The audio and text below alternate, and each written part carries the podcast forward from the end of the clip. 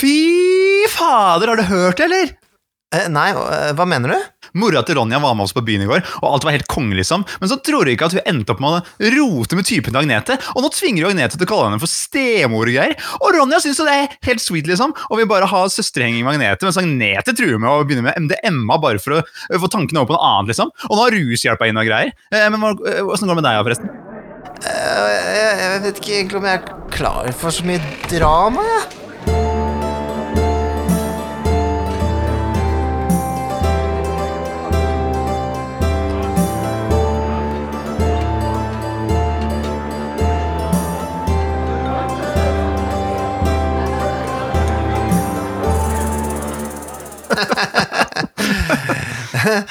Hei og velkommen til Vertshuset. Mitt navn er Mikael Stensen Sollien, og med meg har jeg Nikolai Krogsrud Strøm.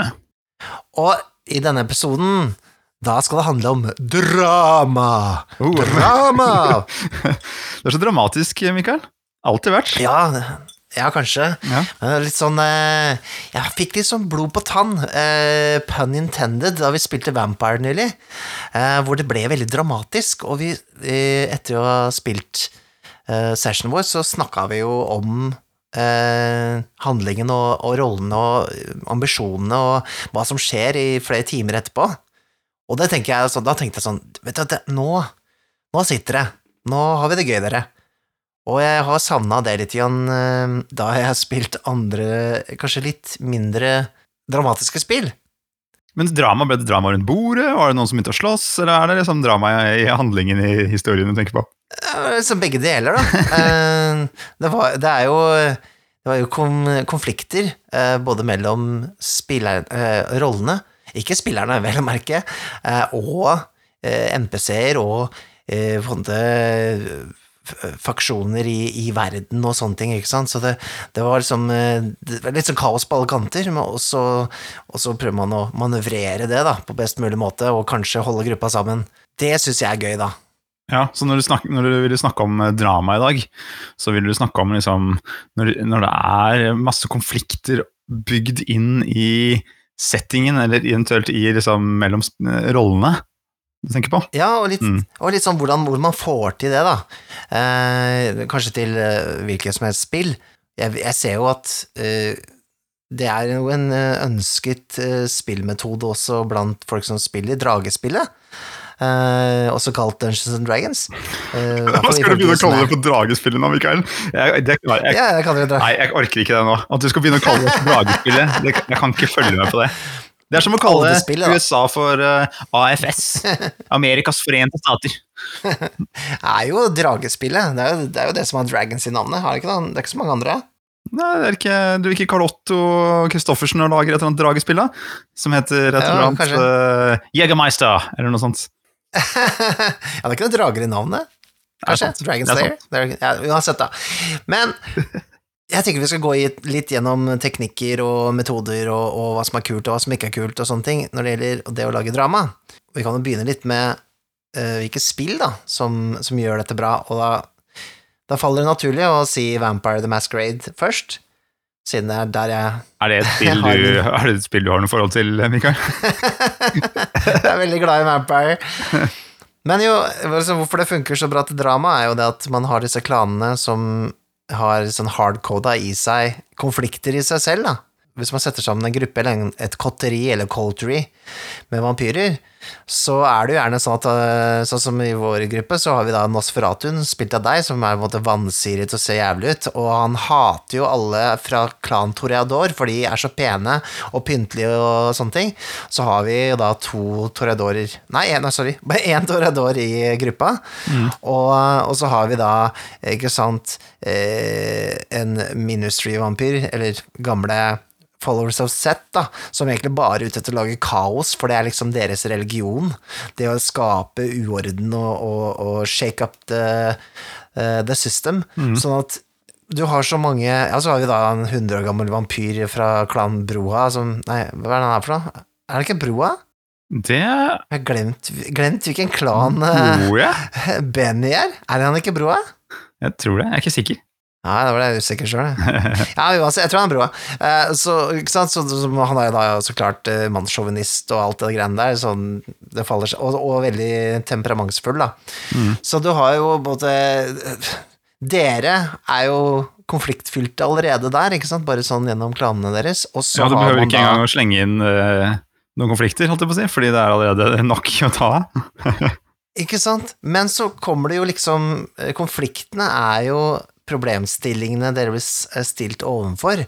Sånn enten eh, personlig eh, Hva skal jeg si Forhold til NPC-er, eller eh, andre problemstillinger som dere har forskjellige meninger om, da. Mm. Så det skaper jo drama igjen, ved at dere, dere blir utsatt for disse tingene gjennom meg. Så det er litt den der opplevelsen kanskje eh, jeg syns er litt unik for Vampire. Men er kanskje ikke unik for Vampire, men det er kanskje litt vanskelig å grave fram i andre spill, da. Mm. Uh, og det gjelder også for andre World of Darkness-spill. Uh, jeg, jeg, jeg har ikke jeg spilt Werewolf, men det er litt mer sånn slå inn døra, øh, drepe Det er fighter-versjonen av Vampire. ja, ja, det er sikkert litt sånn der, det kan det sikkert være ganske høyt politisk spill, men det var litt sånn Jeg vil jo si at World of Darkness er litt sånn For hvert spill som kom, så ble liksom den der, den, det dramaelementet med kniving og eh, på en måte scheming og alt det der litt borte, da, eh, for hvert spill som kom. Eh, og det sier jeg bare rett og slett, jeg har knapt spilt noe annet enn uh, Vampire uh, der, men uh, etter hva jeg forstår, da, så er det liksom Det var ønske om å prøve å måte catch lightning in a bottle, da. Opptil flere ganger. Men det som er styrken til Vampire, da, er, jo- det du sier, at det, det ligger konflikter der allerede. Det ligger muligheter til å spille ut et drama, fordi folk har forskjellige eh, det, er innbakt i klanen at de har forskjellige måter å reagere på ting. mm, dukker opp, så det, er liksom, det er lett å på en måte hooke opp eller hooke seg på den følelsen at å, det her er mot alt jeg står for, fordi jeg er en del av denne klanen som står for alt dette her. ikke sant? ikke sant? Så, så det er liksom det bra med spillet. Det, det vanskelige med Vampire synes jeg, er at du, man skaper måte, hver, sin vel, hver sin individualist. da. All, vampyrer er jo på en Ja. måte sånn der de skal ta vare på seg sjøl, og ut fra det så ja, ja, I don't care, liksom. Men, eh, så det er liksom det, det å klare å lage en gruppe som har grunn til å være sammen og ikke drepe hverandre, er jo det vanskeligste. Ja.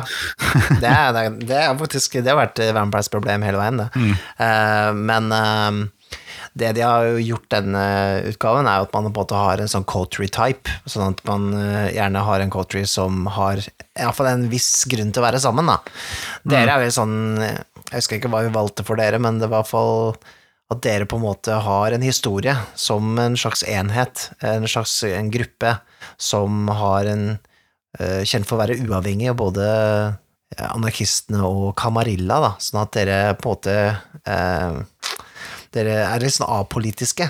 Nå, nå skjedde det jo greier i kampanjen vår som gjør at dere ble jo revet inn i politikken, dere også, men eh, det var jo kanskje det som var liksom konseptet, da.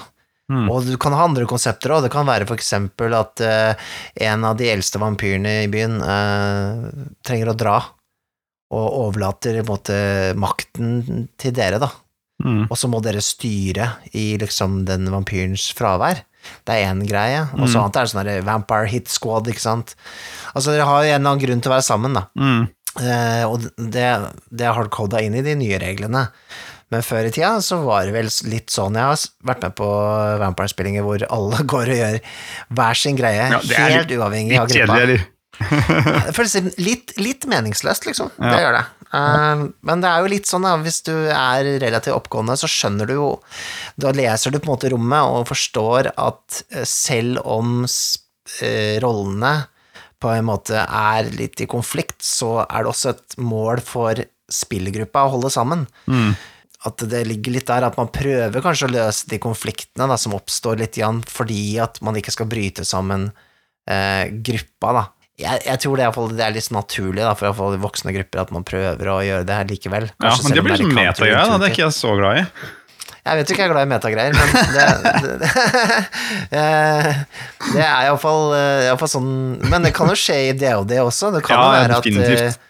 En er, Barden har helt annet eh, mål enn de andre og går den andre veien, men det blir ikke noe bra spill av det, liksom. Nei, det er den der, Hvis du ser tror, Det kommer jo helt an på gruppa, da, men hvis du ser liksom at gruppa sliter litt med det greiene der, at uh, det plutselig liksom At det, de er veldig sånn der hakk ifra å bryte opp da, fra hverandre, mm. liksom. Så må man på en måte øh, prøve å introdusere et eller annet som gjør at de, at de forenes på et vis. Men kanskje Ja, det, og da kan det være helt gull, for da kan det være den konflikten de allerede har, da, som ligger der, hvor det er liksom helt på bristepunktet. Den, Ja. Den versus denne nye tingen du legger på bordet, som de forenes om, Ja, blir sånn der spenning. Det kan, bli, det kan bli veldig veldig bra. Men da gjelder det å ha litt pose med ting du kan slenge på bordet, som alle bryr seg om. Ja, nettopp. Ja, ja, nettopp det. Jeg kan gå på neste spill, da. Eh, Symbarom eh, har jeg fått litt elsk for, fordi det er også et eh, Det er et fantasirollespill med eh, litt eh, både politikk og, og på en måte Det ligger mye konflikter der, i grunn, da. Sånn eh, mellom både, både eh, fantasirasene og innbyggere av forskjellige byer og i forskjellige nivåer av samfunnet og sånne ting, som gjør at det kan fort bli et veldig sånn bra inter... Jeg vet ikke hva det norske ordet er for det, men interpersonal. Mm. Har du et ord for det? Kan, du, kan, vi, kan vi finne det? For, mellompersoner er kanskje et ord, ja. Mellommenneskelig. Mellommenneskelig Mm. forhold, da. Eller mellom forskjellige fantasiraser, så klart. Mm. Eh, som jeg syns iallfall er litt mer eh, spennende, da. Hvordan, altså for det er fria ligaspill, ikke sant? Symbarom. Eh, Ja. Hvordan, hvordan eh, legger de det inn på en måte i, når man skaper rolle, f.eks.? Denne greia her? Eller er det bare Hvordan kommer det frem, liksom? Det kommer mest frem i på en måte, beskrivelsen av byene og, og verdenen, da. Eh, Og på en måte hvordan de forskjellige folkeslagene føler om hverandre, og hvordan eh, eh, Ja, det er jo et miljøaspekt her også, for det er jo eh, Menneskene er jo kolonialister. Eh, Rett og slett. De har eh, dratt fra sitt eh, fødeland, eller der de holdt hjemme først, og så har de da tatt over ut den skogen, da, som egentlig hele den det spillet dreier seg om, Mm. utkanten av den skogen. Og det bor jo noen i den skogen fra før av, barbarer, Mm. og alver og andre fefolk, som ikke syns noe særlig om det her. Og, mm. men de har etter med tid på en måte akseptert det litt, en slags sånn nesten en våpenhvile, ikke sant, for at liksom ja ja, det kan ikke stoppe den mengden av folk. Og så har vi også da sånne ledere av de forskjellige byene hos menneskene som også kniver med hverandre, ikke sant. Um, så det ligger veldig mye sånn uh, mer enn én konflikt. Det er ikke bare Sauron, liksom, som er the big bad uh, evil guy, men det har på en måte um, For det er vel litt det der jeg, jeg tenker på, er liksom å skape en en situasjon som føles som et korthus som kan rase sammen når som helst, og så sitter man og blåser litt på det. Ja. Den derre Ikke sant, hvor man må, man må manøvrere vanskelige øh, politiske situasjoner, og, og også mellommenneskelig, og det kan være kjærlighet, det kan være Det er kult hvis du får Eh, begge delene. òg. At liksom det både er en love interest inne i bildet i en scene, samtidig som du skal ha et politisk mål, samtidig som det er eh, et eller annet som er litt sånn krise og brenner på en eller annen skala. Så da kan det, det kan bli intenst. Du sier at alt i Symborum foregår i en skog. Er det er det én skau, liksom? Alt? Ja, det er da, Davokar heter den skogen, uh, Mm. og det er da ut, altså de, Davokar og The Outskirts da, på en måte, som er settingen. Mm. Og den er ganske liten, så det er vel på størrelse med jeg vet ikke, kanskje Gran? Skottland eller noe sånt. Altså. Det, er, det, er ikke, det, er ikke, det er ikke så stor setting. Ja, litt større enn det, da. Skogen er liksom Den er, den er gigantisk. Men ja. greia er at du, ved å ha en liten setting, og kanskje litt få byer, så kan du detaljere det mye bedre eh, enn eh, Til og med Sword Coast er jo gigantisk, Ja. selv om det er bare en del av Forgotten Realms. Så det å så, eh, ha en liten setting og ha masse detaljer og ha det som en sånn sted som er full av konflikter og potensielle dramatiske politiske avgjørelser og alt sånne ting, gjør det mye mer spennende for meg, da, som liker den type spill. Lurt å gjøre det smått altså, så, i settingen, ja. Begrensa, sånn at uh, man ting, altså folk og byer og konflikter og sånt, at, det gnisser litt opp mot hverandre. Ja, for hvis det er for stort, det er det jeg mener sånn, når man spiller uh, typisk dragespill, da, Mm. så eh, er det gjerne sånn at man går fra en by til en annen, og du kan ha drama i den ene byen, men så kan du lett bare dra fra den byen og ikke møte det dramaet igjen. Eh, sånn at det, det tror jeg er litt sånn når jeg har kjørt eh, det og det, så har det vært litt sånn Jeg har prøvd å kanskje skape sånne situasjoner, men så er det litt sånn når oppdraget er utført, så går man bare videre til neste by, og så har på en måte ikke det noen konsekvenser lenger. Nei, ikke sant? Kaste fyrstikken bak deg, og så blæste den byen, og så ferdig. Man blir liksom nomader, da. Ja. Um, og det, da får du ikke den langvarige, på en måte De samme NPC-ene som går igjen, samme eh, Altså ting som det er gjort tidligere, på en måte ikke nødvendigvis eh, fyres opp igjen, da. Dette er grunnen til at jeg liker Quentin Tarantino-filmer. Fordi man får et sånn destillert drama. Altså det, man, de er jo ofte enten innelåst i en bygning eller avgrenset av et lite rom hvor det liksom skjer et eller annet, og det, de er liksom tvunget til å deale med det som foregår i det rommet. Ja. Og det skjer gjerne flere ting da, samtidig. ikke sant? At det er en, eh, to stykker som eh, slåss mot døden, men det sitter et barn i rommet ved siden av og ser på TV. ikke sant? Eller Ja. eh, sånne ting. Og, eller i Reservoir Dogs, hvor det er en av de som er i rommet, er en tyster, da, eller er en agent for politiet. Ikke sant? Ja. Og de er omringet på utsiden, så da, da blir det avgrenset. ikke sant? Da har jeg jo et eksempel på et spill til, som jeg ikke tenkte på da jeg skrev en liten liste her, og det er jo Alien. Ja, da er du på romskipet. Det er innestengt på romskipet, og iallfall i den, eh, det startersettet så er det et scenario som er sånn cinematisk eh, scenario, og der har jo alle et sånn hemmelig kort, eller to hemmelige kort, med eh, ambisjoner eller mål for spillingen. Mm. Og de er jo ikke forenlige med de andres.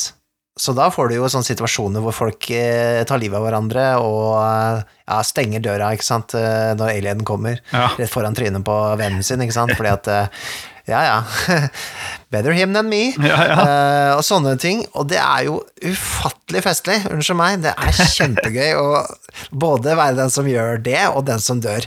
Jeg døde Ja. jo tre ganger under vårt spill, og det var sånn, jeg, jeg lo og koste meg, uh, hvordan jeg klarte å rote meg inn i de dummeste no-win scenarios.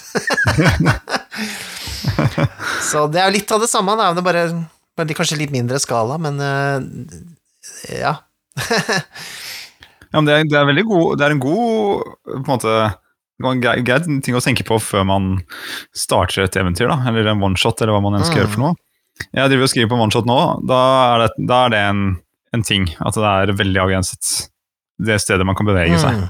Fordi da kan, det, da kan det skje flere morsomme ting. Du må forholde deg til alle, både MPC-er og og andre spillere roller, eh, Mm.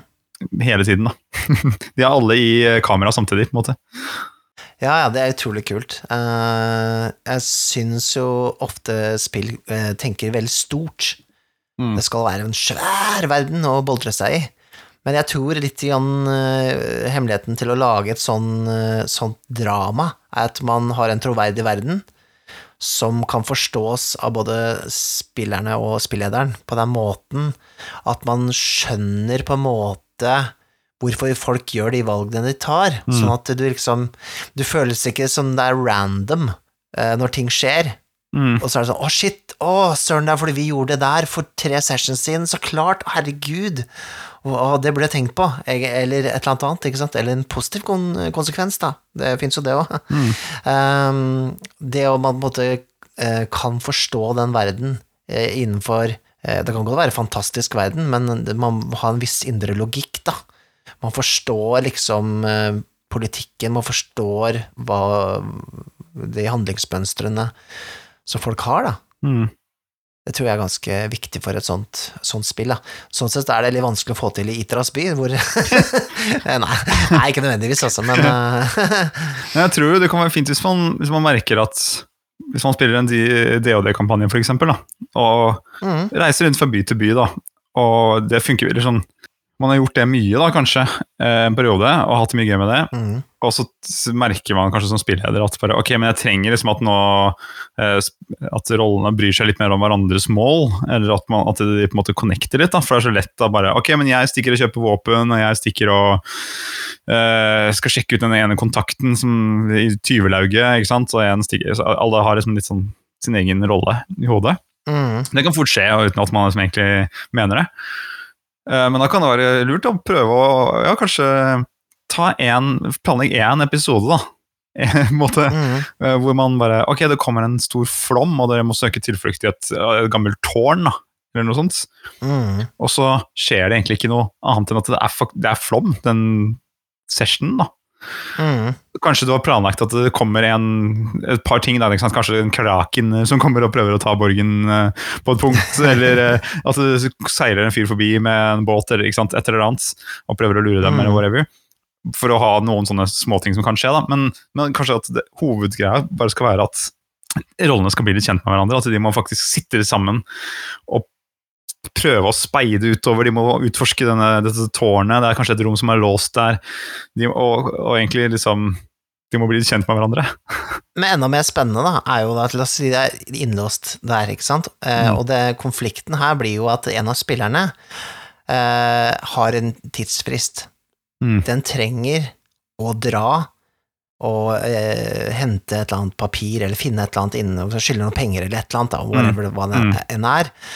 Så den eh, spilleren, eller rollen, da, trenger å dra derfra og risikere livet på det åpne eh, havet, Mm. men kan ikke gjøre det aleine, så må ha med seg gruppa på et eller annet vis.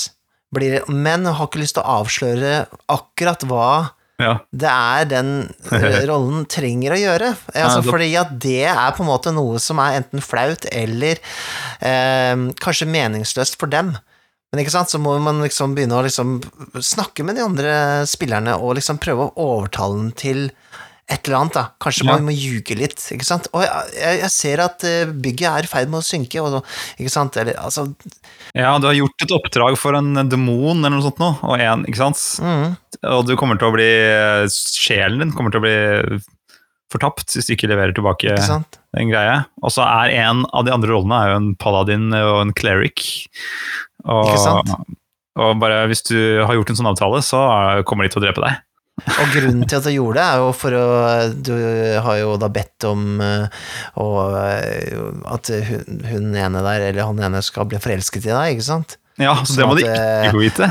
Jeg har ikke få vite at eh, grunnen til at eh, den personen er forelsket i er fordi at den, hun eh, har gjort en avtale med en demon, ikke sant? Og, Mm. og så har du, har du liksom lag på lag med, med, med drama her. Ja, det er gøy.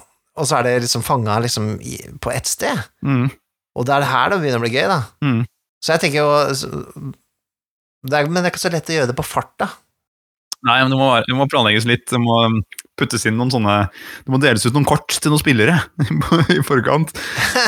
Men det er kult å liksom mikse det opp litt da, med bare andre måter å fortelle Du kan fortelle det samme for historien, liksom, men man kan belyse disse rollene fra litt forskjellige vink eh, vinkler da, når man eh, Mm. gjør sånne grep som det der.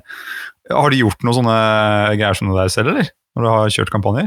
Jeg gjør det i Vampire hele tiden, så klart, for det er jo litt Det er the bread and butter of that game, som det heter. Mm. Uh, for eksempel eh, når dere uh, Dere klarte å skylde på anarkistene i kampanjen vår, uh, så så ble det jo ut, ut Altså ble jo utsendt en sånn blodjakt på alle anarkister i Chicago. Mm. Eh, fordi da Stine sin rolle uh, malte da et sånn uh, anarkisttegn eh, på en sånn crime scene, da. Eh, Ja. hvor, For noe vi hadde gjort. ikke sant? Ja. For noe dere har gjort. Eh, for å skylde på dem, da, og ikke sånn at dere skulle slippe unna. Mm. Men konsekvensen av det er jo at anarkistene eh, får en blodjakt mot seg, alle. Blir jaget ut av Chicago eller drept. La Sombra, som er den klanen som dere har nå etter hvert blitt ganske skeptisk til, venter egentlig bare på et sånn eh, maktvakuum, eller en eh, mulighet for å komme seg inn i Chicago og måtte ta litt over. Det åpner seg nå fordi at anarkisten er ute av bildet, ikke sant? Og det er sånn oh shit, what did we just do?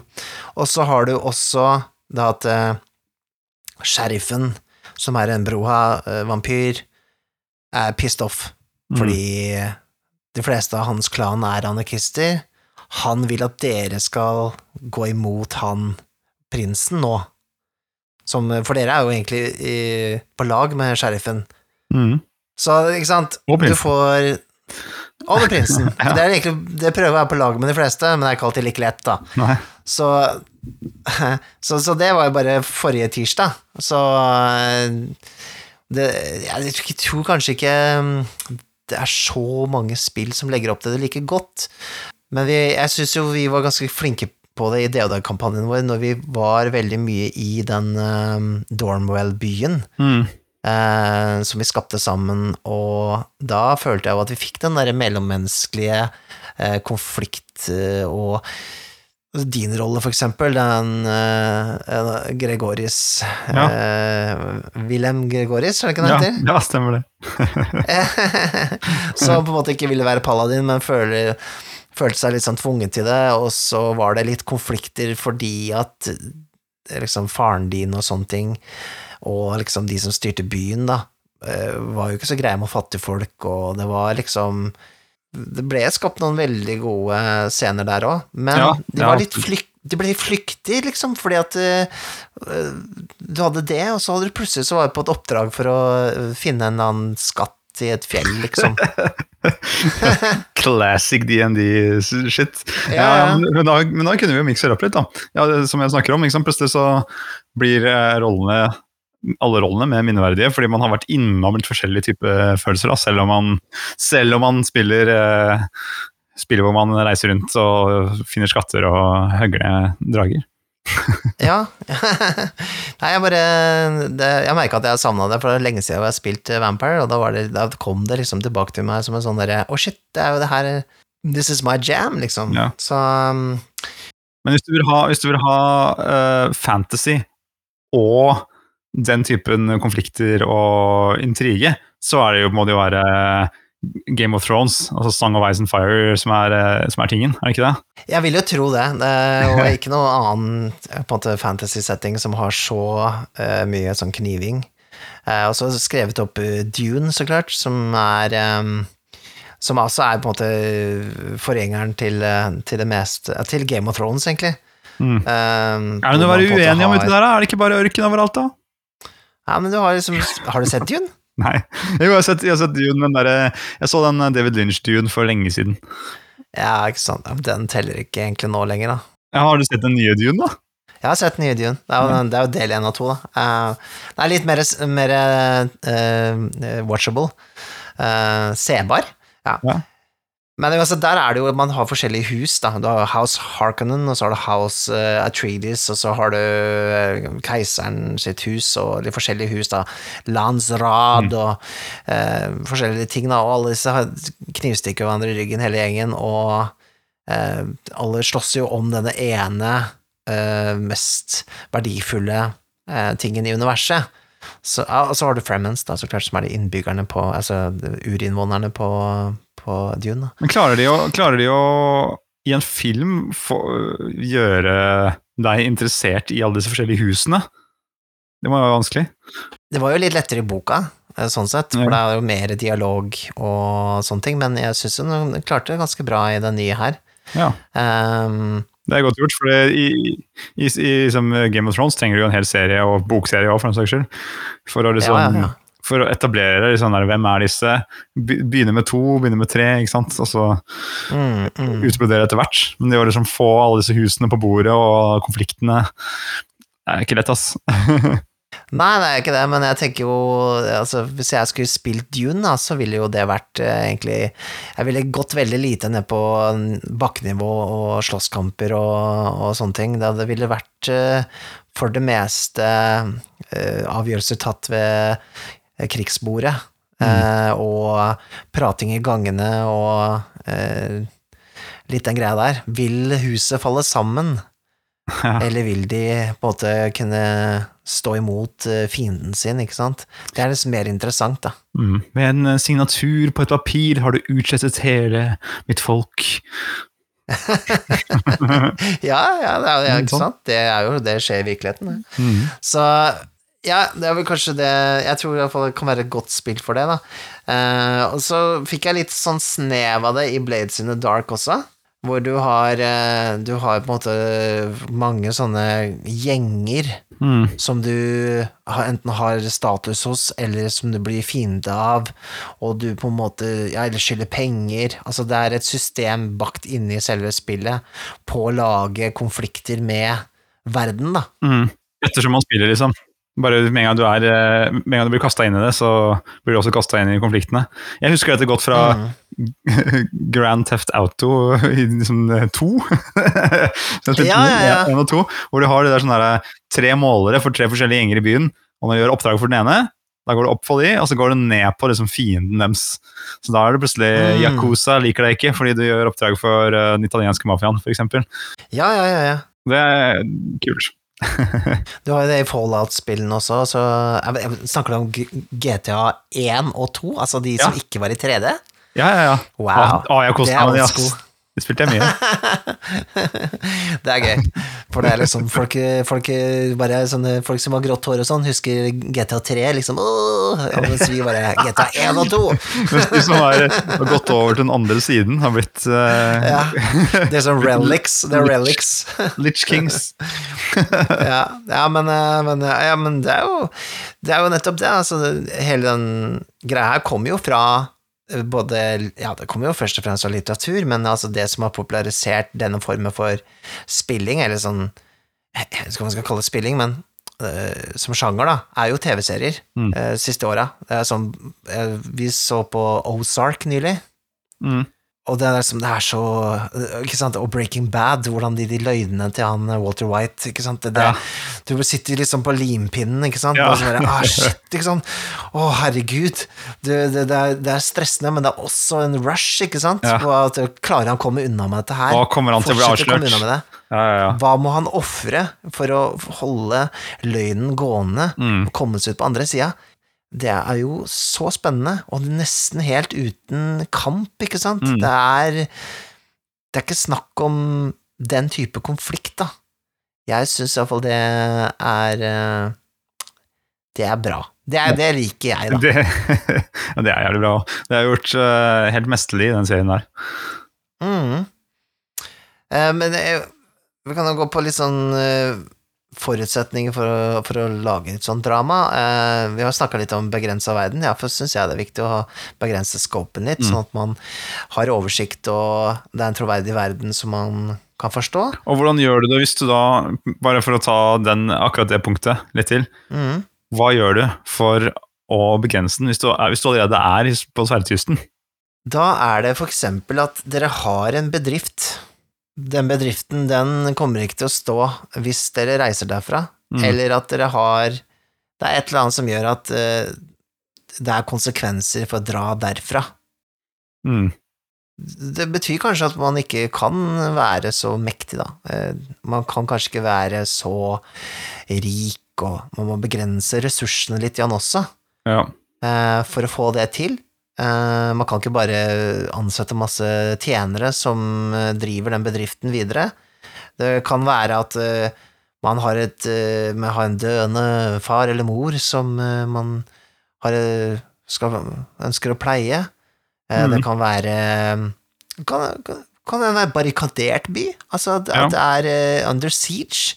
En uh, beleiring kan være veldig bra Beleiring, for å holde noen i en by i liksom noen episoder. Mhm. Absolutt. Da, da, og da kan du, liksom ha, du kan ha måte noen eh, kampscener innimellom hvor noen har kommet seg gjennom en mur, hvis du har lyst til å mikse det opp litt. Og så kan det liksom handle om at vi må være her til forsterkningene kommer. Vi? Oppdrag kan være å sende, prøve å få sendt noen ut gjennom uh, beleiringen. Men det skjer masse drama inne i byen. Et godt eksempel på akkurat det er jo animen Animen, eller anime, uh, den som heter Attack on Titan, hvor eh, menneskeheten, den siste rest av menneskeheten, bor innenfor en sånn eh, sett med murer, og det er sånne titaner da, utenfor, som er overpowered, store. Ingen vet eh, egentlig hvorfor de er som de er, og hvor de kommer fra og sånne ting, men de har tvunget eh, menneskeheten opp et hjørne, og de taper. De er, taper, rett og slett. Eh, muren har blitt uh, breacha iallfall en eller to ganger. Og de aller modigste er de som blir sendt ut på sånne reconnaissance missions, da.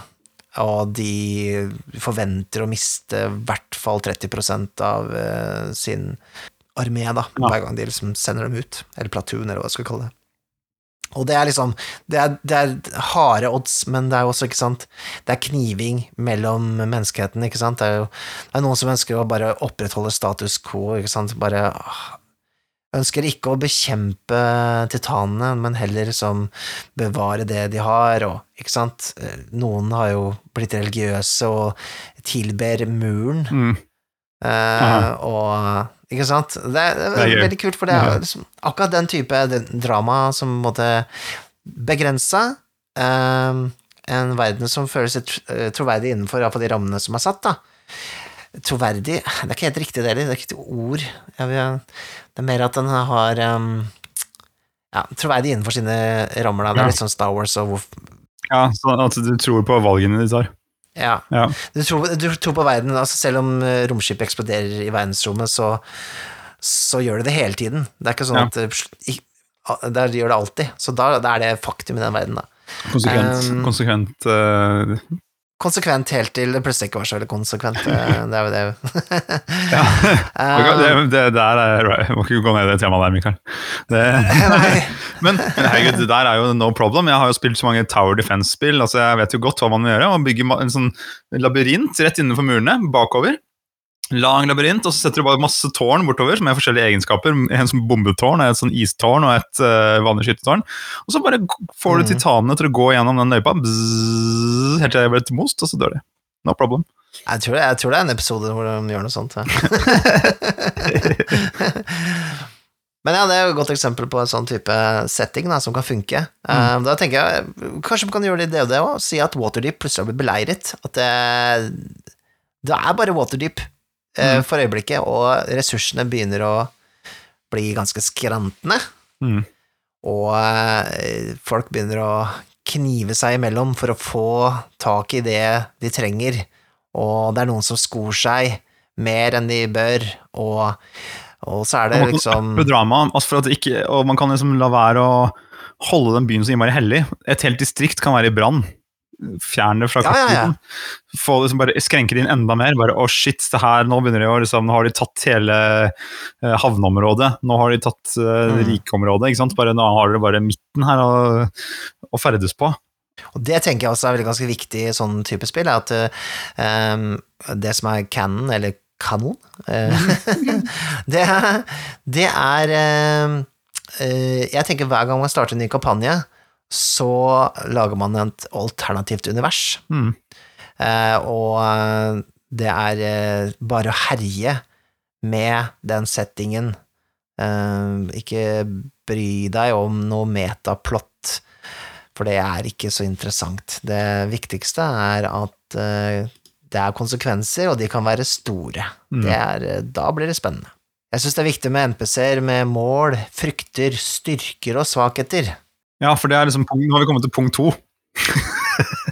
Ja, Ja, jeg har skrevet ned nå, vet du. ja bra. Eh, og det er jo Der vil jeg ta litt eh, litt Gi honnør til eh, Chicago by Night-boka til Onyx Path, den siste. Mhm.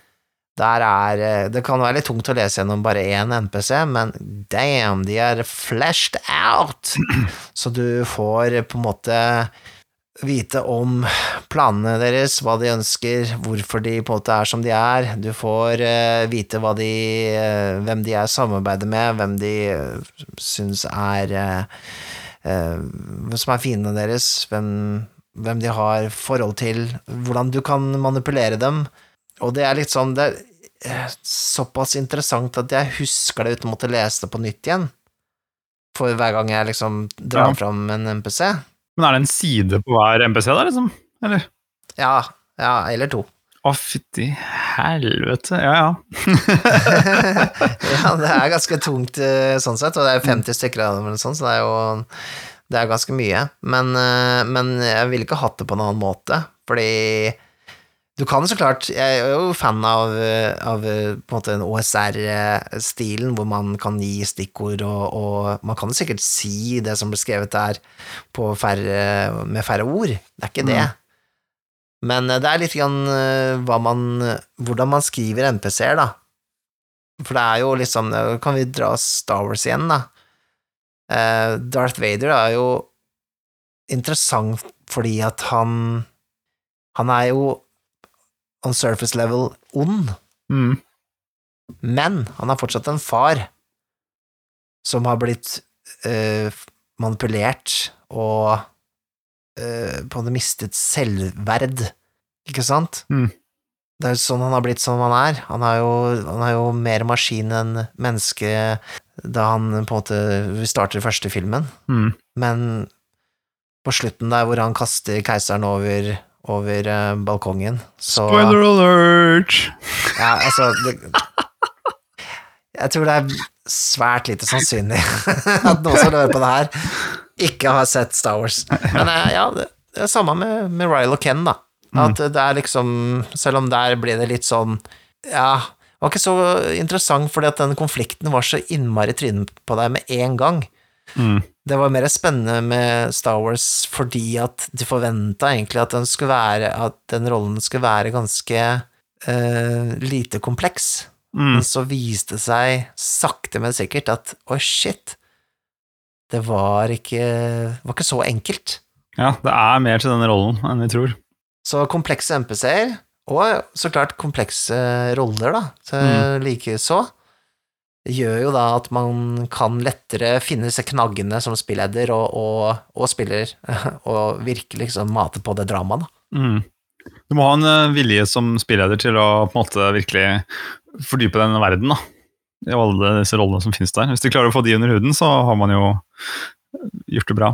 Ja, men det er jo litt sånn Du kan jo, hvis du lager dette sjøl også, så, så du Setter du opp en, en sånn liste Du trenger jo ikke å ha Skrive ut eh, hele bakgrunnshistorien og sånne ting, for det er jo strengt tatt bare du ofte som får vite om. Ja.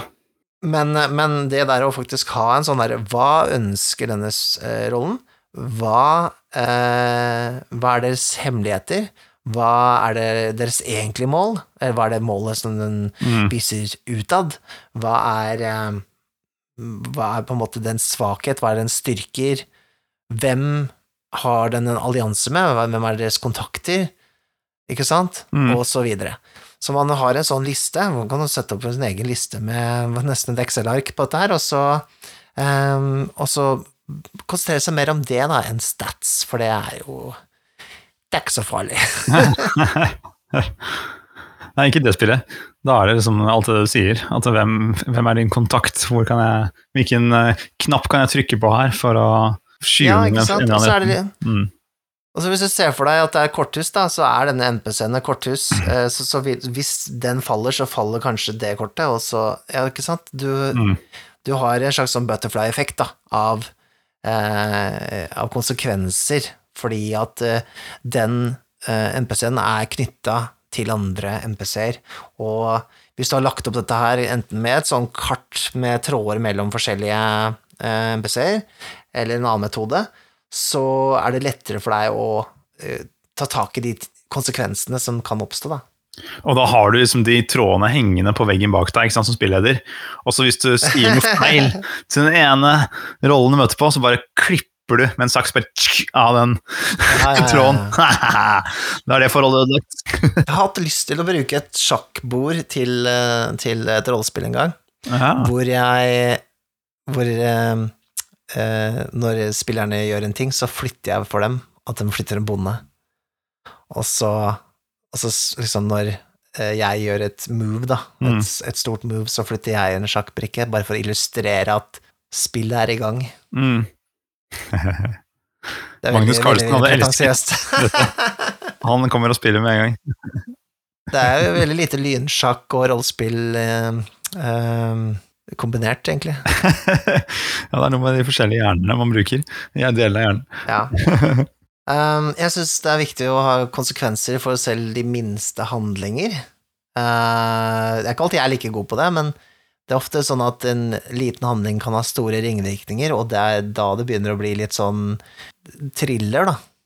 Det liker jeg også veldig godt, og det, jeg syns også det er et godt tips for å få folk til å rollespille sånn rundt bordet, og, og få noen skikkelige Mhm. reaksjoner. Fordi man gjorde et eller annet på kødd, ikke sant? Og det og, Ja. Fjåser eller fjaser eller noe sånt, og det er ikke det at ikke det er moro, men hvis all fjåsing og fjasing og kødd man finner på, da, faktisk får en, får en skikkelig konsekvens, Som bare Ikke sant? å, fy faderen, den kom tilbake og beit oss så jævlig i ræva, liksom. Det at du bare høgde huet av han der fyren i bakgata. Da- Nå! Ja, ja, ja, da er det jo Du er jo ettersøkt og alt mulig rart, men det er jo ikke bare hvem som helst du har hodet av.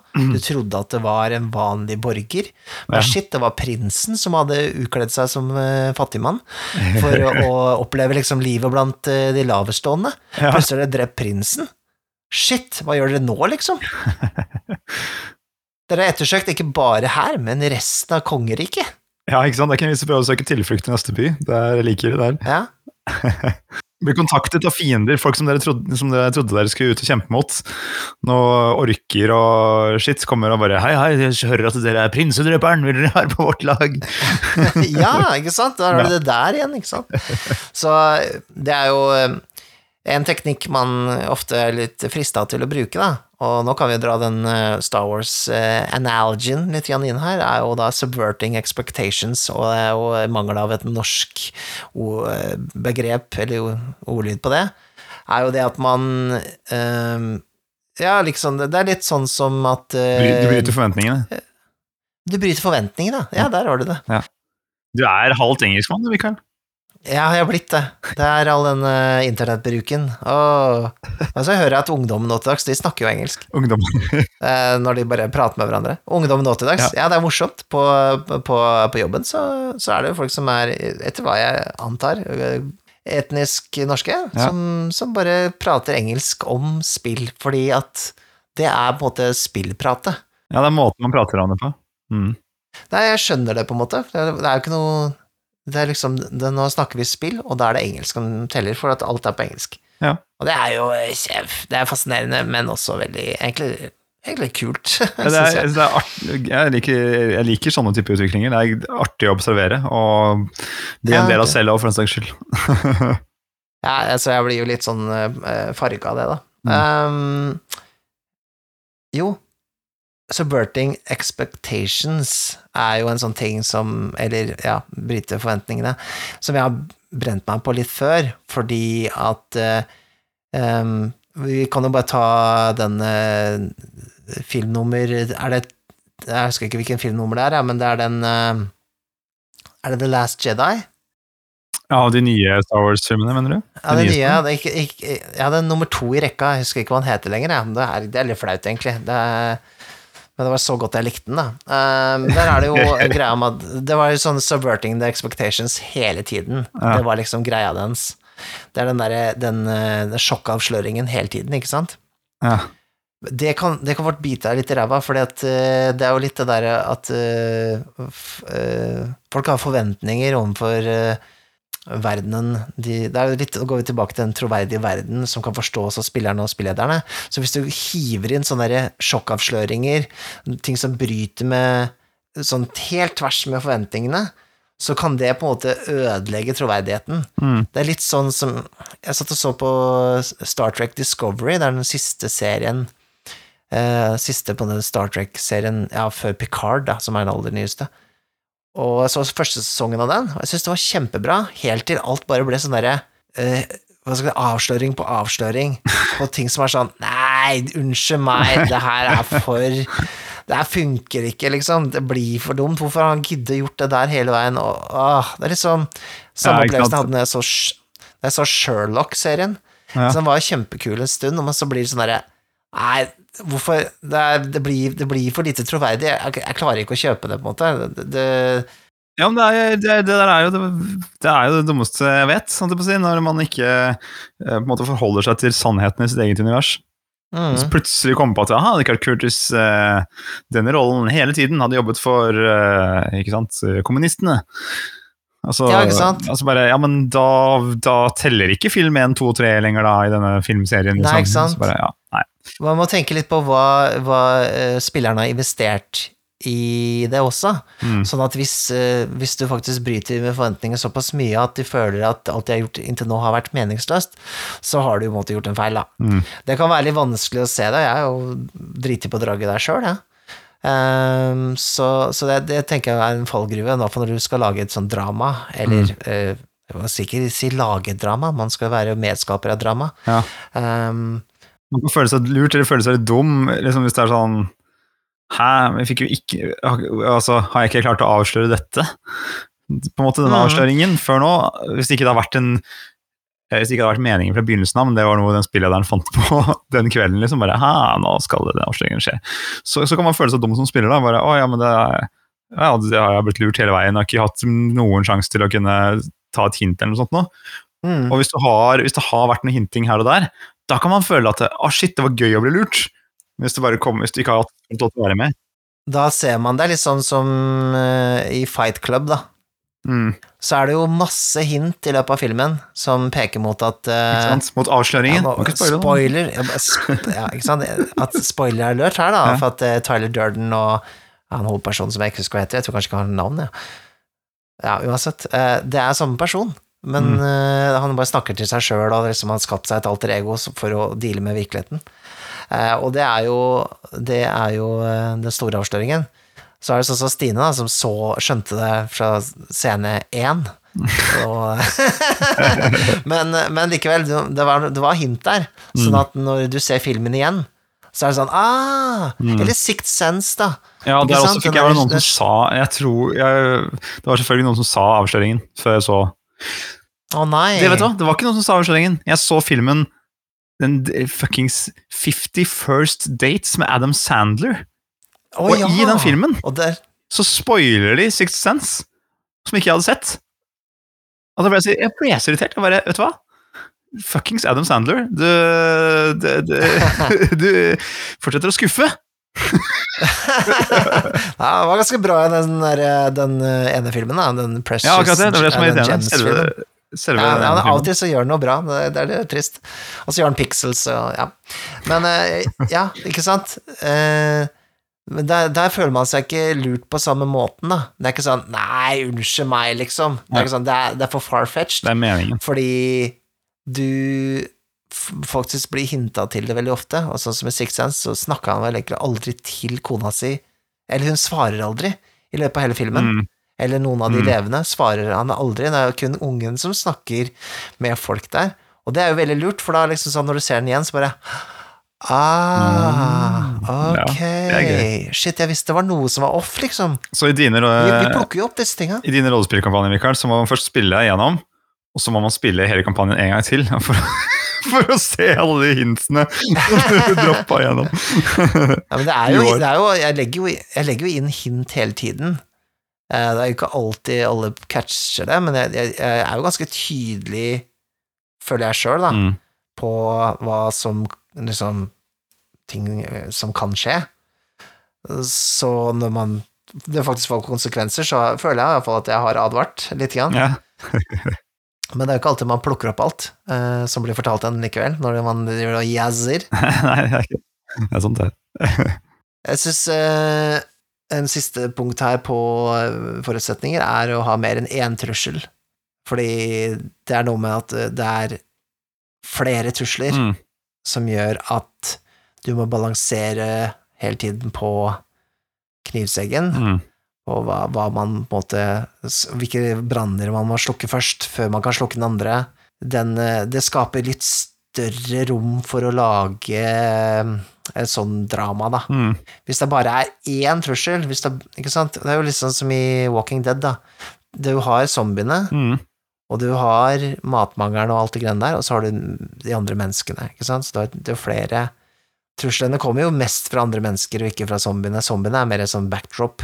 Mm. Det er en, er mer det som tvinger dem til å gjøre uh, kjappe, lite gjentenkte valg. Ja, de er beleiringen, da, på et vis. Det er, ja, det er beleiringen også. Mm. Ja, ikke sant? Uh, Walking Dead er jo et godt eksempel på en sånn dramaserie som, som egentlig eh, er den type spillestil som jeg er ute etter her. Mm. Og hvor mye har system å si for å skape en sånn type opplevelse, har jeg satt opp som lite spørsmål her. Kan jeg sette det spørsmålet til deg, da? For, eh, Ja, jeg, altså Det kommer an på hvor slavisk man skal føle systemet, men det, det handler vel om her å jeg tenker at det, handler ikke så mye om systemet, sånn sett. Det handler om å um, sette opp eh, roller, holdt jeg på å si, og en situasjon. mm, Så selvfølgelig, det finnes jo vel systemer som da legger det litt inn i, i karakterbyggingen, da, rollebyggingen fra begynnelsen av. At det er, mm, det er mange gode um, bindeledd mellom rollene, og kanskje også mellom uh, tydelige fraksjoner som er i verden, eller tydelige krefter som er i verden. mm, Og kanskje, som også kanskje trekker Ja, eh, og settinger da, som er små, da, for eksempel. For, sånn som mm. fiasko, for eksempel, foregår gjerne på liksom lite, lite samfunn, en liten by, en, eller en fest, for den saks skyld. Fle- Det er få NPC-er, og de er gjerne komplekse, og de er gjerne har forskjellige mål og bla, bla, bla. Det, ja, det er jo Ja. eksempel på det. Mm. Jeg, jeg har en liten brannfakkel, da. Vi skal ha brannfakkel hver uke, da. Egentlig. Ja, jeg skal starte med ukens brannfakkel. Ja. Ja, vi går ikke, jeg orker ikke å lage melodi til det sånn. Jeg kanskje skal lage melodi? Nei, det blir, det blir stress. Eh, vi kan se, kanskje kommer senere. Men brannfakkelen min, da, er at jeg tror Jeg tror ikke du kan lage et fullverdig system for å lage denne type spill. Jeg vet ikke om det var en veldig stor brannfakkel, men jeg føler Det, det er mer en utfordring enn en brannfakkel. ja, kanskje, men jeg, jeg tror ikke dette handler om regelsystem. Dette tror jeg handler om det som eh, eh, Thomas Mørkeri nevnte, med metode. Det er, det er kun metode. Du kan, ha, du kan gjøre dette her i alle spill, men det er hvordan du, hvordan du som spilleder og som eh, spillere eh, spiller. Og det er Du kan ikke kode det inn, sånn som de prøver i Apocalypse World og Powered by the Apocalypse World-spillene, føler jeg. For der er det jo litt sånn, du har sånne moves, Eh, og du har sånne game-moves, men jeg føler det blir Ja. Jeg syns det blir utilstrekkelig for å kunne fakt Jeg tror det egentlig blir et hinder for å lage sånne typer opplevelser enn det faktisk er Mm. hjelper. Det er, der er brannfakkelen min. Jeg sa jeg nå at jeg syns at Apocalypse World er et dårlig system? Nei, men jeg, jeg tror da vitterlig at det går an. Nei, jeg tror da vitterlig at du kan gjøre det. Eh, Ja, men det, det mener jeg jo at det, det kommer an på Hvis du skal skape Hvis det er dette, denne opplevelsen du er ute etter, å skape for, for noen, så øh, vil jeg si at det går an å bygge, lage et spill hvor en del av måten du lager en rolle på, ja, ja, ja. Ja, legger er alle disse forutsetningene til grunn. Du må ha eh, en, liksom, du må ha en ting du ikke liker. For eksempel, da. Eh, Du må ha en ting du, du vil få gjort. Eller du kan, være sånn, du kan velge disse syv tingene du vil Mhm. ha gjort i løpet av eh, Det er gjerne sånn one-shot-materiale, da. I løpet av den spillingen. Hver spilling så må du gjøre det, ikke sant? Og så må de være i en konflikt med noe noen andre ønsker seg. For eksempel. Eller eh, Mm. og på en måte den avgrensningen kan du også bygge inn i, i systemet ditt. Du, du, hvor, hvor, liksom, hvor du alltid vil være. At du feeder opp under denne, Ja denne Ja, følelsen jeg, bare, av dette dramaet. da Du klarer klarer å lage spilte, dramaserier, da må du kunne klare å lage drama-rollespill også, hvor dette er en del er det jo av, eh, Det er veldig mye sånn mye hjelp i disse game-movesene for å finne noe inspirasjon og sånn, men eh, jeg, jeg føler meg litt mer begrensa enn hjulpet eh, med dem ofte. Um,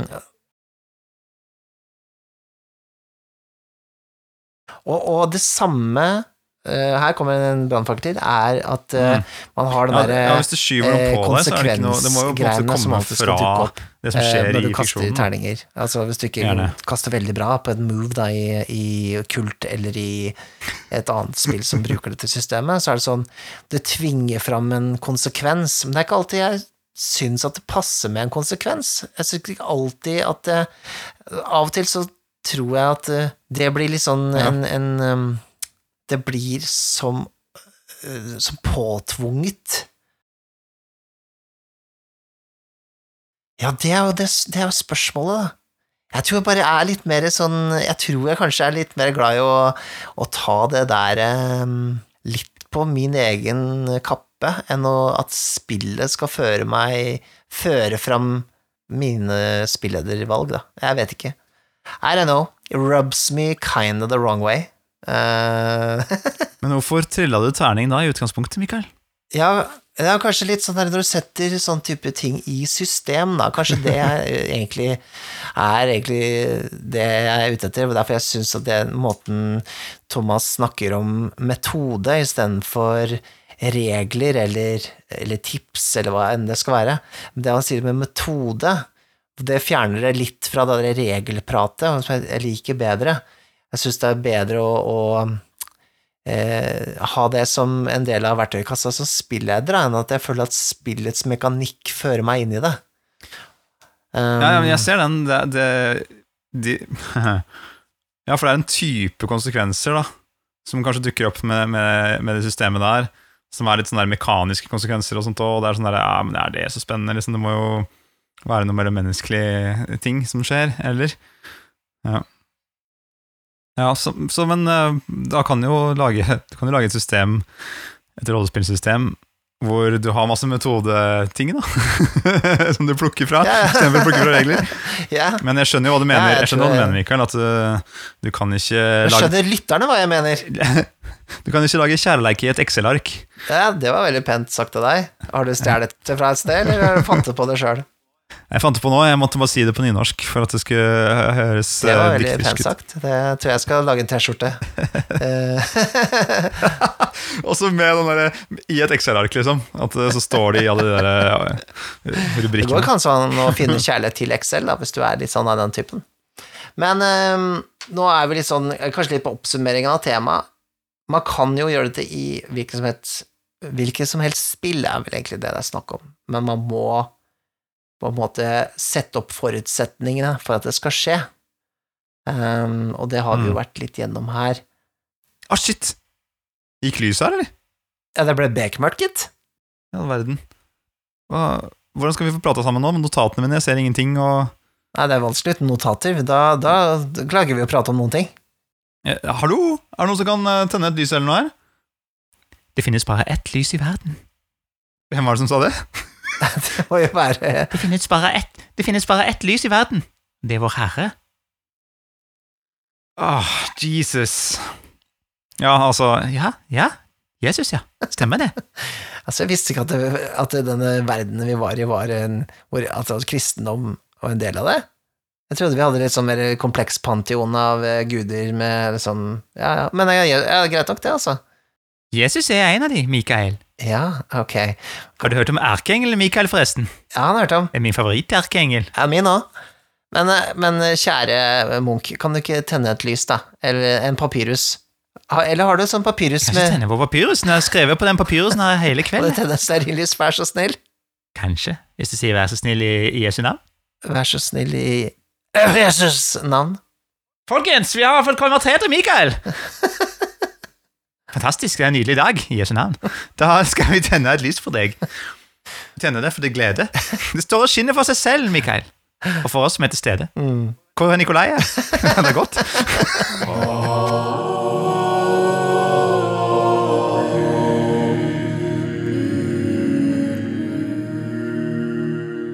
Ok, men nok vrøvl, da. Eh, Fin, fin sang, fin sang forresten. Men her har vi jammen meg en papyrus fra Thomas eh, Celius eh, Saldivar Pettersen. Han eh, Jeg har flytta fra stolen min nå, skal jeg, jeg vil sitte og høre på hva Mikael har å si. ja, ikke sant? Jeg skal flytte meg. Det er jo ikke første gang han er på, nevnt her i podkasten, tror jeg. Han er jo en veldig sånn trådstarter på Facebook-gruppa til rollespill.info. Trådstarter er bra ord. Ja, det er det han er. Trådstarter. Han er ei snelle, rett og slett. Um,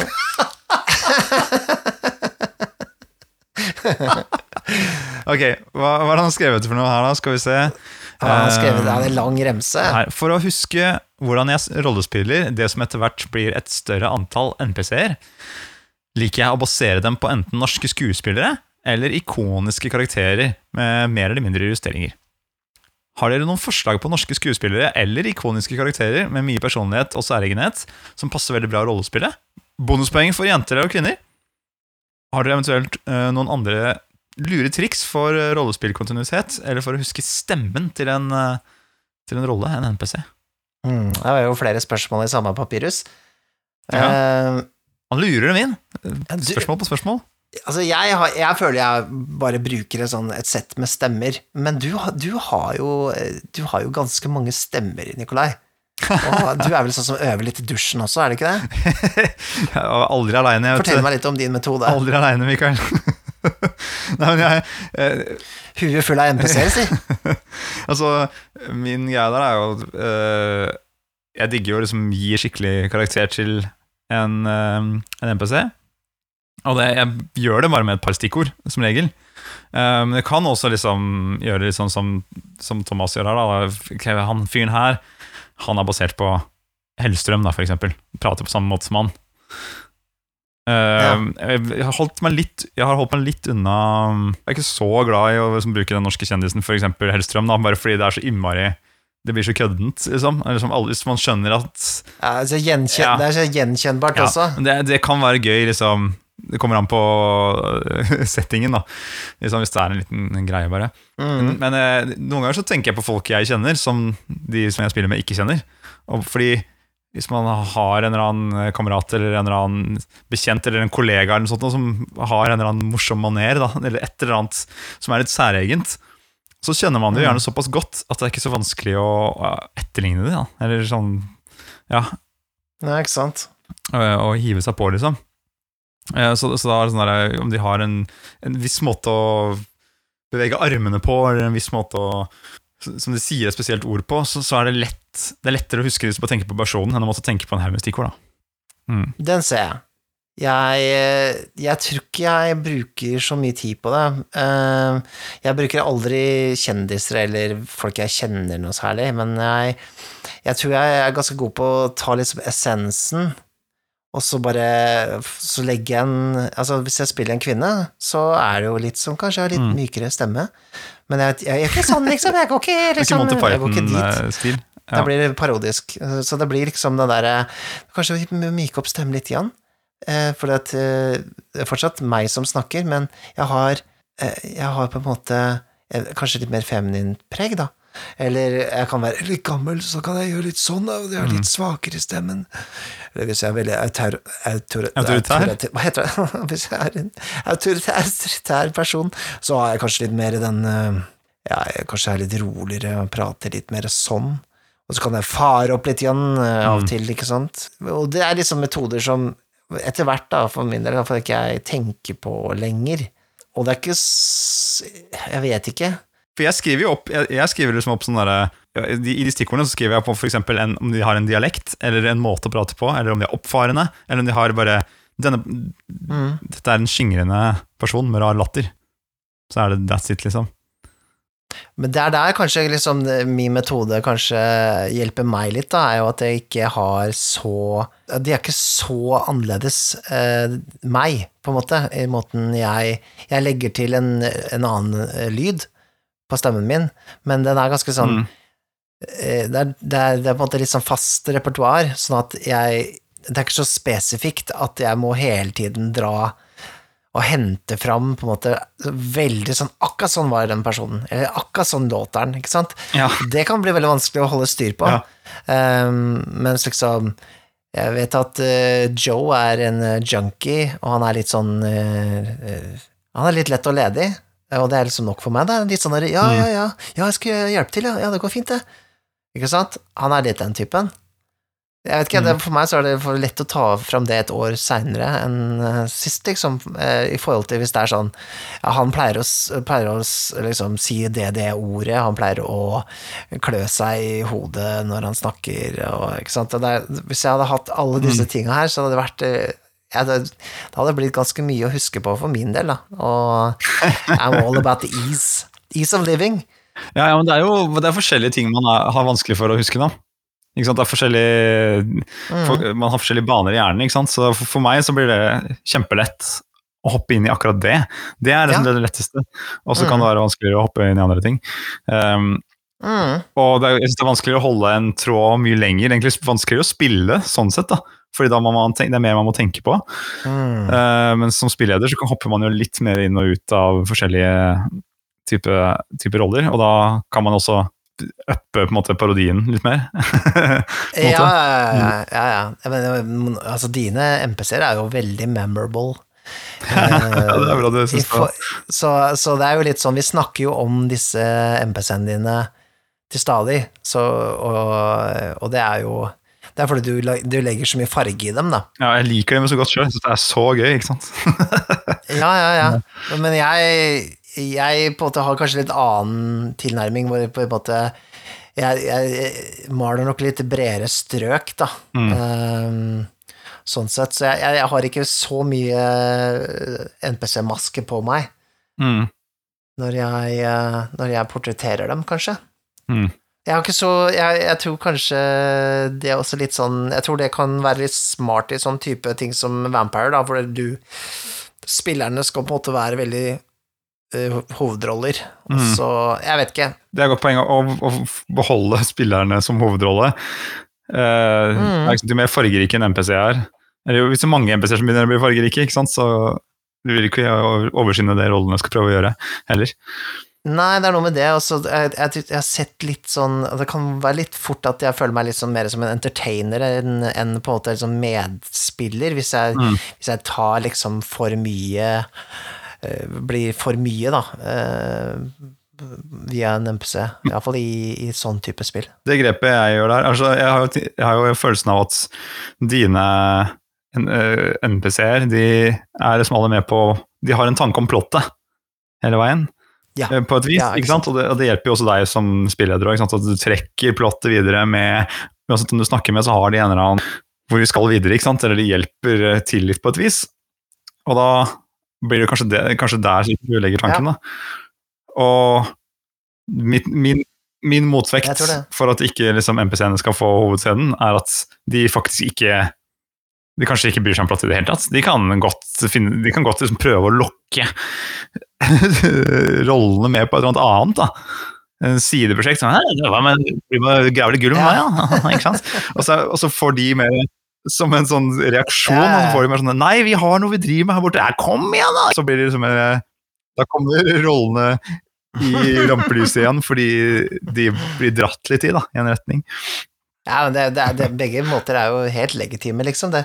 Men det er jo som sagt det er jo litt sånn som du sier, altså, hvis du har et stort, komplekst eh, plott, da, ikke at du på en måte har set pieces, sånn som kanskje eh, Dungeons and Dragons har, hvor du på en måte kommer et sted, og så har du en morsom bartender, og, eller du har detaljer som bare er på en måte gyldige når du er der, og ikke på en måte noe som du skal ta med deg seinere, så er det morsommere å på en måte underholde og lage den scenen til, da.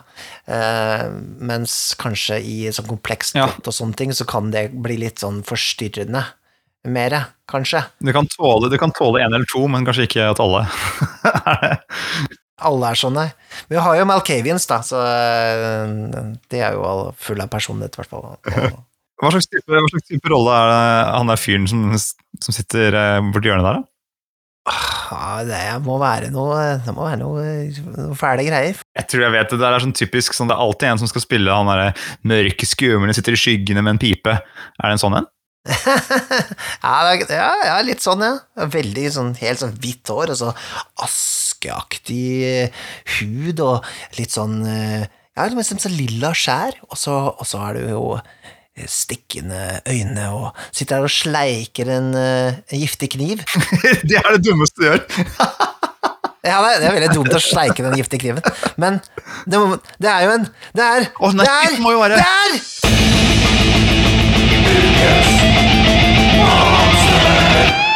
er Monster Monster Truck Madness! Nei! Det blir ikke noe monster truck denne gangen Jeg tror du, ha, du hata meg litt når jeg tok Monster Truck på bordet en gang. Du likte ikke det? Nei, det var kult, altså. Det var kult, det. Jeg likte det. Jeg bare fleiper av og til. Uh, nei, men dette her er vel en uh, drow. Drow. Hvordan sier man det egentlig? Drow. Altså, på amerikansk så blir det drow. Men jeg sier drow. drow. Eller dra, drau. Jeg vet ikke helt, Draug? men det er jo litt sånn mystikken. Eh, Det er ikke en draug. Og det er vel kanskje litt sånn Slekter litt på norrøne svartalfer, Svartalfer. kanskje. Ja. Eller svartalv, da. Men i norrøn gudetro er jo de er jo svartalvene dverger, er det ikke? Ja, det er litt sånn eh, Det er vanskelig Det er ikke helt Det er ikke så lett å det er, Noen sier det, og noen sier noe annet. Men Det er ikke noe fasit i norrøn gudetro. det er ikke noe fasit. Men jeg kan jo se for meg at Gary Gygax uh, tenkte det. Og så jeg leste oversatt liksom eh, Dark Elves. Å ja, mm, jeg skjønner. De er jo Mm. alver, men de er jo litt slemme. Oh, dark. Og det er jo litt konseptet til disse, drowsa. De kommer jo fra The Underdark, og er jo Iallfall i gamle der, ikke nå lenger, men i gamle der så var de kaotisk onde. Hele bunchen. Men når jeg ser her nå Altså, jeg har jo Monster Manual, Dungeons and Dragons, 5e, motherfucker, rett foran meg her nå. Og på side Yes. 128 der, så står det Drow. Og der står det Neutral Evil. Medium Humanoid Elf. Og min Monstrous Manual Second Edition uh, Advanced Dungeons and Dragons står det Chaotic Evil. Hva var det som skjedde? Nei, jeg vet ikke. Jeg vet ikke. De har blitt mer folkelige, de her. Altså, de er jo blitt mer likende, har de ikke det? Med åra, de her drowsa. Ja, det, er ja, de har blitt mer likende svaret. Nå er det jo en utvikling om at de nå er eh, Nå er de ikke visstnok bare slemme heller. De er, eh, det, er, det fins drows som er eh, litt greiere. Fins det noe i Monster Manual som ikke har blitt snille nå, i eh, 5th edition? Jeg tror, jeg tror egentlig bare kan kaste den der alignmenten på altså. skraphaugen, ja, rett og slett. Det er jo ikke noe poeng lenger. Det er jo like greit. Eh, vi, kan ha det, vi kan la det være. Men eh, uansett, da, de aller fleste drows er vel fortsatt eh, ganske bitre og sure Lolth-tilhengere fra The Underdark. Hvem er Lolth? Som Hvem er Lolth? Det er en sånn eh, slem eh, gudinne, sa keiserinnegudinne Ah, Edderkoppdame eh, som, som de tilber, da. Ja, et eller annet sånt. Og eh, nede i Damens og Beranzan, som er liksom hovedstaden til Drowsa i Underdark i Forgotten Realms, så, så er det da et matriarki. eh, Motsatt av et patriarki, så der er det kvinnene som eh, regjerer, og menn er ofte slaver og måte virkelig eh, bevise sin verd, da, for de er jo født ut, uten noe verdi og alt sånne ting. Så det er litt morsomt. Det er snudd litt på huet, da, så det er jo liksom eh, og så kan man jo mene litt om det, da. Hvorfor er disse så onde øh, alvene plutselig? Hvorfor er det da kvinnene som styrer? Og så er det litt sånn, ja, ja, mm, ja Er det noen her som hadde noen problemer uh, når de skrev dette? Men Er det viktig å ikke lese for mye inn i den? det, det, det det. Vi har en tendens til å gjøre det, da. Uh, Iallfall i vår moderne tid. Uh, jeg vet ikke, jeg. Jeg, jeg, liker, jeg liker at de er eh, At de er liksom motparten til de snille, pene, vene alvene på overflaten. Jeg syns det er sånn mm. konseptuelt kult. Uh, bare som en sånn uh, sant det, Hva heter den i Stranger Things? Den upside down-greia, hvor du har en verden som er snudd på huet under bakken. Det er ikke akkurat sånn i Stranger Things, da, men du skjønner poenget mitt. Det er en parallell verden på en måte som speiler den over. da. Um, og da syns jeg Drows er interessante på den måten. Det jeg ikke syns er så kult, er at man gjorde Drows spillbare. Fordi Drist, som er liksom den Han er liksom uh, Forgotten Realms sitt fantome, er han ikke det? Ja, det kan du godt si. Han er jo på en måte den mest, den mest populære serien da, av eh, han Salvatore. Eh, veldig populær bokserie. Og da er det jo en, en sånn drow som er sånn god, da. Som klarer å eh, frigjøre seg selv fra Underdark, ikke sant? Og gå rundt og er eh, grei og snill og sånn. Men det, det er litt sånn Hvis alle kan ha Jeg syns det er litt sånn Det tar litt bort fra den historien hvis det er masse snille Mm. drows, da. Da blir jo liksom hvis eh, Da blir liksom ikke historien om Luke Skywalker så innmari spennende, på det hvis alle går rundt og har The Force hele tiden. Jeg syns det er greit Ja. å ha noen bad Men også I også. Monster Manual så har du jo Det er jo to, Hvor mange hundre sider er det med bad guys her, da? 300-400 sider med bad guys? Jo, jo. Men jeg skjønner jo, det er, det er fristende å bare spille dark elf. Bare cool metal-alv, da. Ja, ikke sant. Jeg ser den. Jeg, jeg ser den. Jeg har ikke noe problem at folk gjør det, egentlig. Altså, det er ikke det. Men jeg syns kanskje det var litt rart å ha det ha det som, som valg i Players Guide. Hadde det vært en tilleggsbok, på en måte, så hadde det vært greit, men når du har liksom Det er en av de liksom, valgene man liksom blir stilt Jeg kan ikke huske å ha sett det i Players Guide. Jeg husker bare at det er gnom og tiefling, liksom. Jo, det er Og, du kan, og det står der ja, som en sånn liten sub-greie. Ja, okay. det er under elf. Ja. Ja, det er sånn sub, subclass eh, sub- Subrace eller en sånn. Ja, ja. Problematisk allerede der, si. Si at det er en subrace. Ja, ja, ja, ja. du bor jo sub eh, underground, holdt jeg på å si, da, sånn sett, men uh, ja. i, Ja. I uh, Critical Role-land Jeg vet ikke hva helt den verden heter. Er det Wild Amount eller noe sånt nå? Uh, Den, Vil- Vild- Wildemount. Wildemount. Ja, noe sånt, ja. Mm. Ja. der, er jo, der har de jo gjort det med drows og på en måte egentlig goblins og orker og sånt, og at de bor i et samfunn på andre siden av fjellrekka, liksom. Som et annet dynasti, da. Mm. Sånn som man kanskje opplevde andre eh, kulturer og samfunn eh, i middelalderen. Ikke sant? Liksom kinesiske dynastier der borte, og så har det europeiske eh, føydalsystemene her Mhm. borte. ikke sant? Så det er jo litt sånn samme Eller en parallell der, da. Og hvis du reiser over Mm. fjellet, så kommer du et sted hvor det er drows som er De heter vel Crin eller noe sånt nå i den settingen, da. Men det er det samme, liksom. Ja. Det er de som styrer og, og har, har egentlig samme systemet som, som vi har her, bare at de liksom har den mørke versjonen, da. Ja, ikke sant?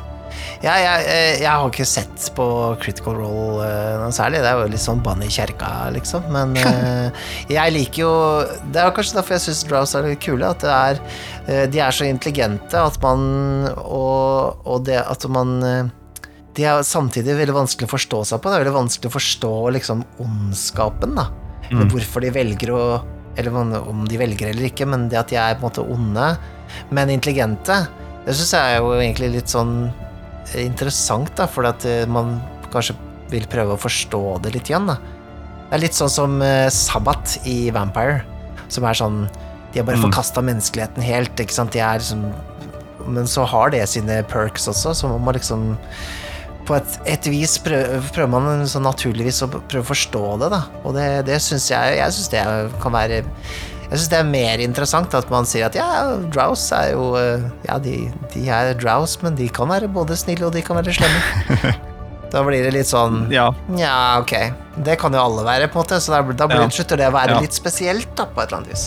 Konseptet med Underdark, da, der hvor de bor, der hvor de kommer fra, det Jeg kan være enig i deg med at det, liksom, det kan være kult. å Liksom bare, det er en ond eh, gjeng, og så kan de være komplekse, men liksom de, de er ikke snille, liksom, for, Mm, for mm. eh, spillerne. da.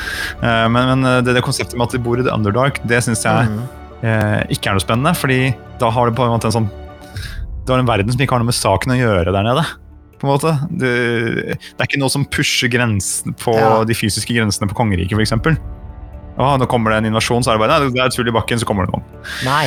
Og så går det ned i Underdark, så er det umulig å måtte, knytte den geografien fra Underdark til geografien i verdenen, da. Hvis du ikke da har gått veldig inn for å gjøre det. Så da blir det litt sånn der, det blir som sånn der undervannsepisode av et eller annet. Ja, sånn, ja. Ikke sant? Det er ikke noe Ja, det er, det er, ikke, noe, ja, det er ikke noe med saken å gjøre. Jeg, Undervannsbrett til Mario. Ja, jeg, jeg ser den. Jeg ser den. Uh, det er jo litt sånn at man må ned i Underdark, da. For at det skal bli aktuelt, eller at de på et eller annet vis kommer til overflaten, ja. ja.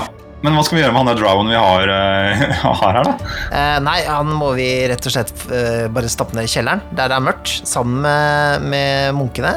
Jeg tenker det går bra. De, de kommer til å omvende De kommer til å gjøre han kan vi gjøre han lawful eh, good. Ja, men det er det jeg tenker også. Altså, nå, hallo, nå må vi følge med i tiden her, Mikael. Han har blitt en spillbar uh, rase, da, som, som mye annet. Eh, så han får komme og sette seg ved bordet her og, chille litt med oss. Han, han, kanskje han kan eh, spandere litt av den der eh, Underdark-tobakken sin? Vet du hva? Det er litt for seint. Jeg husker jeg nevnte han drev og sleika på den kniven sin. Oi, shit. Han, er, han, han, er, han har ikke sovna ved bordet, han har daua. Ja. Det er klart Jeg tror kanskje vi ikke hadde med den best, altså smarteste drowen å gjøre. Eh, fordi det er, jo, det er jo ikke bare at de har forskjellige alignments, men de har jo også forskjellige nivåer av intelligens. ja. Så dette var nok ikke den mest intelligente drowen der ute. Nei. Det var Darwin Awards til den eh, drowen der, ass. Rett og slett. Ja. Eh, men uh, da er det jo egentlig bare å si uh, takk for følget, folkens. Det har vært en, uh, en opplysende episode for min del. Altså, og det var deilig. Nå følte jeg at jeg fikk liksom prata om noe veldig sånn brennende aktuelt for meg her. Jeg føler jeg som har jeg føler det var, en, det var en episode jeg prata mye. Det er litt sånn for mye, kanskje. Litt sånn, det, det er ikke populært det på fest. Vet du, Han fyren som skal prate i ett sett, ikke sant. Slipper ikke andre til og sånn. Jeg syns det er bra at du får prata mye nå, for da liksom, har du fått tømt deg litt. Jeg trenger å få tømt deg litt, Mikael. Ja, ikke sant. Det er bra, det. Men Du må bruke den podkasten til det. Nå, nå kommer, eh, nå si, nå kommer rekka med, med ting uh, som jeg liker å si. Og det første jeg vil si, er Ja. hvis dere har lyst til å komme i kontakt med oss eller spørre oss om noe, eller ha forslag til temaer, et eller annet, send en e-post til post at spillforlaget.no. Yes. Yes. Det er, der er vi å treffe. Hvis du har lyst til å sponse podkasten, du elsker det du hører, du vil få ekstramateriale, du vil få eh, måte behind the scenes eh, fra når vi spiller inn eh, actual placene våre, så kan du gjøre det på patreon.com skråstrek vertshuset. Yes. Det stemmer. Vi er også på Instagram. Ja, men der heter vi Spillforlaget, gjør vi ikke det? Der heter vi Spillforlaget. Men det er, det er jo mye vertshusknask der også. Men Det det. Hvis du søker på Spillforlaget på Instagram, da finner du oss. Og så er vi på Twitter. Eller? Ja, så vidt. Nei, vi er jo egentlig Nei. ikke der. Vi er ikke på Twitter. vi Vi er sånn- ikke på Twitter. Nei, Men vi er på. Facebook. Der heter vi Vertshuset. Og Vertshuset spiller i en sånn side der som det går an å like. Det dukker opp noen greier der innimellom òg, vet du. Vi skulle valgt en annen metode. altså rollespill-Simen heter het jo det samme på alle eh, sosiale medier. Ja. Her kommer vi som sånne boomers og heter forskjellige ting er, overalt. så, vi er så mystiske. Vi er litt underdark og litt overdark. Eller så ser jeg at eh, Carlotto Christoffersen skal ha en ny sånn solokampanje gående på YouTube, som heter eh, Ragnarok. Det var iallfall Han skal sette i gang, satsa litt sånn på YouTube-kanalen sin, så søk etter Carl Otto Christoffersen på YouTube. Han eh, skal eh, mate på med, med kvad-greier, og så blir det vel litt attåt også, tenker jeg. Og så er det vel litt sånn, vi kan jo fortsatt promotere Rollespill-Simen, for han var jo så hyggelig å ha på besøk forrige gang. Ja, definitivt. Og sleng dere på hans mission om å introdusere rollespill for alle i hele Norge, da. Det syns jeg var gøy. Ikke sant? Er det lov å ta en av sånn eh, promo for eh, ting som eh, skjer på Outland nå, eller? For nå har jo denne pandemien sluppet opp litt, og nå har vi begynt med Adventures League på mandager på Outland Oslo. Så der kan du dukke opp og få spilt litt rollespill, rett og slett, av type Dungeons and Dragons 5th edition. Fy faen, Jeg sier dette gratis jeg reklame! er, jeg er litt Nei, gratis, er faktisk ja, Men jeg får jo lønn, da, så jeg på en måte Nå deler lønnen med meg, Mikael. Må vi, må vi si at det er sponsa da? Nei, jeg vet Ja, ikke. for det var ikke sponsa. Okay, denne episoden er ikke Nei, det er jo min Jeg får jo lønna, men jeg vet ikke åssen det funker, jeg. Men uansett, da. eh, Jeg er jo litt sånn arrangementansvarlig, så jeg, jeg? Det blir måte litt riktig med å si fra om det òg, da. Hvis du vil høre mer om at Mikael blander kortene, så lytt på Vertshuset! Nettopp. Uh, ja, ja. Men uh, uansett, det er iallfall det som skjer fremover. Og vi er vel eh, tilbake om to uker, vi, Det er vi, det. med en uh, blodfersk episode av Vertshuset!